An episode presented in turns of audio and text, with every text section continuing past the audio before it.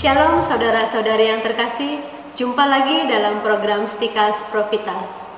Ketika seorang frater kami mengajarkan tentang tema api penyucian yang merupakan kekasan dari ajaran gereja Katolik, ada seorang pemuda, anak dari kenalan kami, meminta penjelasan tentang dua perikop kitab suci, yaitu dari kitab 2 Makabe bab 12 ayat 40 sampai 45 dan dari perjanjian baru, yaitu dari Injil Yohanes bab 3 ayat 16.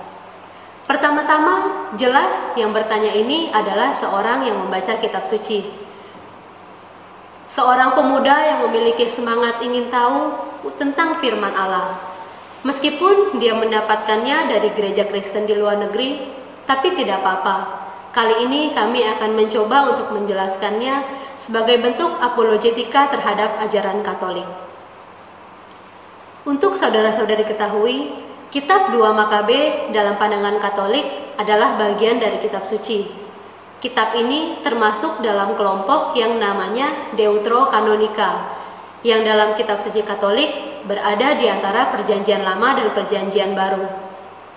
Gereja Kristen pada umumnya tidak mengakui kitab-kitab ini.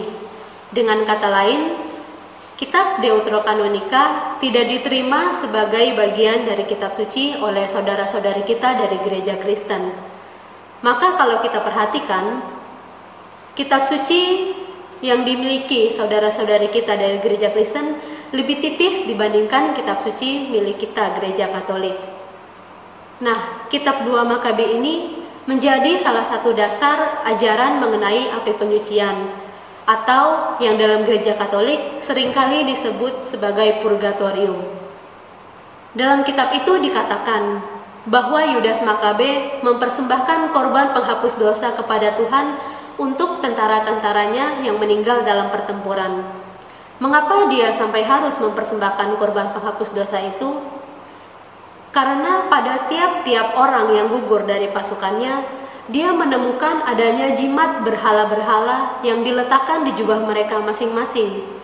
Jelas, ini tindakan bercela dan melawan perintah hukum Taurat. Ini berlawanan dengan perintah pertama dalam 10 perintah Tuhan. Mereka percaya kepada Allah Israel yang menyelamatkan, tetapi mereka juga mengandalkan Allah lain, yaitu percaya kepada jimat-jimat yang dibawanya dalam pertempuran. Dengan demikian, orang-orang ini mati dalam keadaan dosa. Nah, untuk itulah Yudas Makabe perlu mempersembahkan kurban penghapus dosa bagi tentara-tentaranya yang membawa jimat-jimat tersebut. Dia berharap agar dosa-dosa mereka yang membawa jimat dihapus oleh Tuhan. Ini yang menjadi dasar bagi kita orang Katolik untuk ajaran mengenai api penyucian di mana orang-orang mati dalam rahmat dan persahabatan dengan Allah, namun belum disucikan sepenuhnya. Tentara-tentara ini ketika meninggal atau gugur dalam pertempuran belum disucikan sepenuhnya. Artinya, masih ada dosa mereka yang belum diampuni, yaitu dosa karena mereka membawa dan percaya kepada jimat yang melanggar perintah pertama Orang-orang yang meninggal tetapi belum disucikan dalam tradisi ajaran Katolik tidak langsung masuk ke surga. Juga mereka tidak langsung masuk ke neraka, tapi mereka masuk ke api penyucian. Seperti yang dikatakan oleh katekismus, mereka sudah pasti akan keselamatan abadi, tetapi masih harus menjalankan suatu tahap penyucian agar masuk dalam kerajaan surga.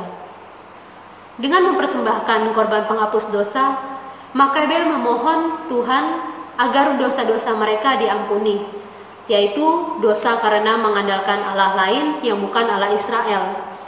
Itu jugalah yang dibuat oleh orang-orang Katolik ketika mereka mendoakan arwah-arwah yang sudah meninggal, yaitu arwah-arwah umat beriman yang masih ada dalam api pemurnian ini.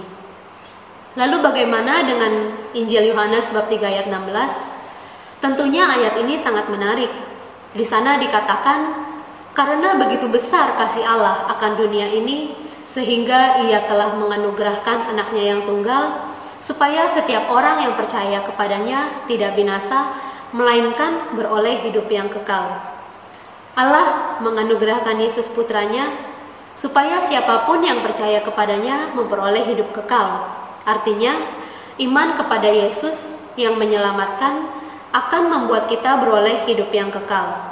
Tentu hal ini benar 100%. Tetapi ayat ini tidak bisa dibenturkan dengan ayat dari kitab Makabe di atas. Perlu diperhatikan dengan baik. Iman kepada Yesus memang menyelamatkan, tetapi apakah beriman saja cukup? Dengan kata lain, apakah pembaptisan saja cukup? Apakah dengan pembaptisan otomatis kita langsung selamat?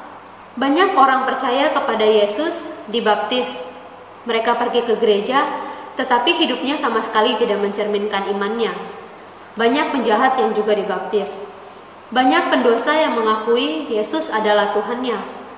Tetapi apakah iman ini langsung membawa mereka ke hidup yang kekal? Tentunya tidak. Kasih Allah yang membuat kita selamat kalau kita hidup sesuai dengan kasih itu. Iman kepada Tuhan mampu menyelamatkan kita kalau kita hidup sesuai dengan tuntutan iman itu. Tetapi kasih Allah dan iman kepadanya tidak membuat kita berpangku tangan begitu saja, lalu hidup dalam dosa, karena kita berpikir, kan kita sudah dibaptis, pasti selamat, pasti memperoleh hidup yang kekal. Ini pandangan yang keliru dari sudut pandang iman Kristiani. Kepercayaan orang Katolik kepada ajaran api penyucian sama sekali tidak mengandung peremehan terhadap kasih Allah yang menyelamatkan orang berdosa. Keyakinan akan kasih Allah sama sekali tidak membuat semangat kita untuk hidup baik, hidup dalam kesucian menjadi diabaikan. Kalau kita melihat keselamatan itu otomatis sifatnya karena yakin akan kasih Allah dan terlebih karena kita dibaptis sebagai anak-anaknya, ini akan menggugurkan ajaran lain dari Tuhan tentang pengadilan terakhir.